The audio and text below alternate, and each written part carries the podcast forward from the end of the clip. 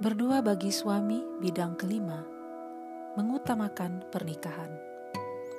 Ayat Alkitab Efesus 5 ayat 25 sampai 27. Hai suami, kasihilah istrimu sebagaimana Kristus telah mengasihi jemaat dan telah menyerahkan dirinya baginya untuk menguduskannya.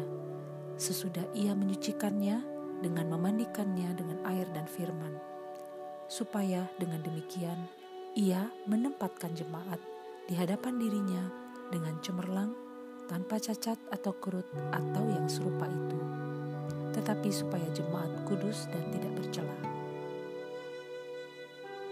1 Petrus 3 ayat 7 Demikian juga kamu, hai suami-suami, hiduplah bijaksana dengan istrimu sebagai kaum yang lebih lemah.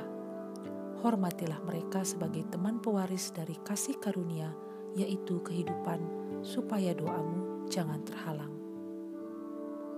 1 Petrus 3 ayat 4 Tetapi perhiasanmu ialah manusia batiniah yang tersembunyi, dengan perhiasan yang tidak binasa, yang berasal dari roh yang lemah lembut dan tenteram, yang sangat berharga di mata Allah.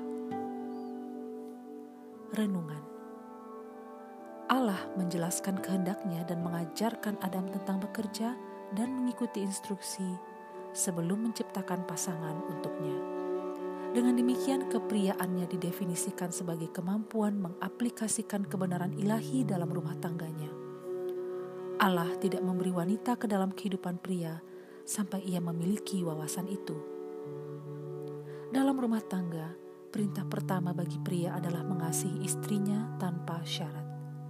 Namun, banyak pria tidak mau menaati Allah sehingga iblis menyerang hubungan suami istri dan menghancurkan pernikahan serta keluarga.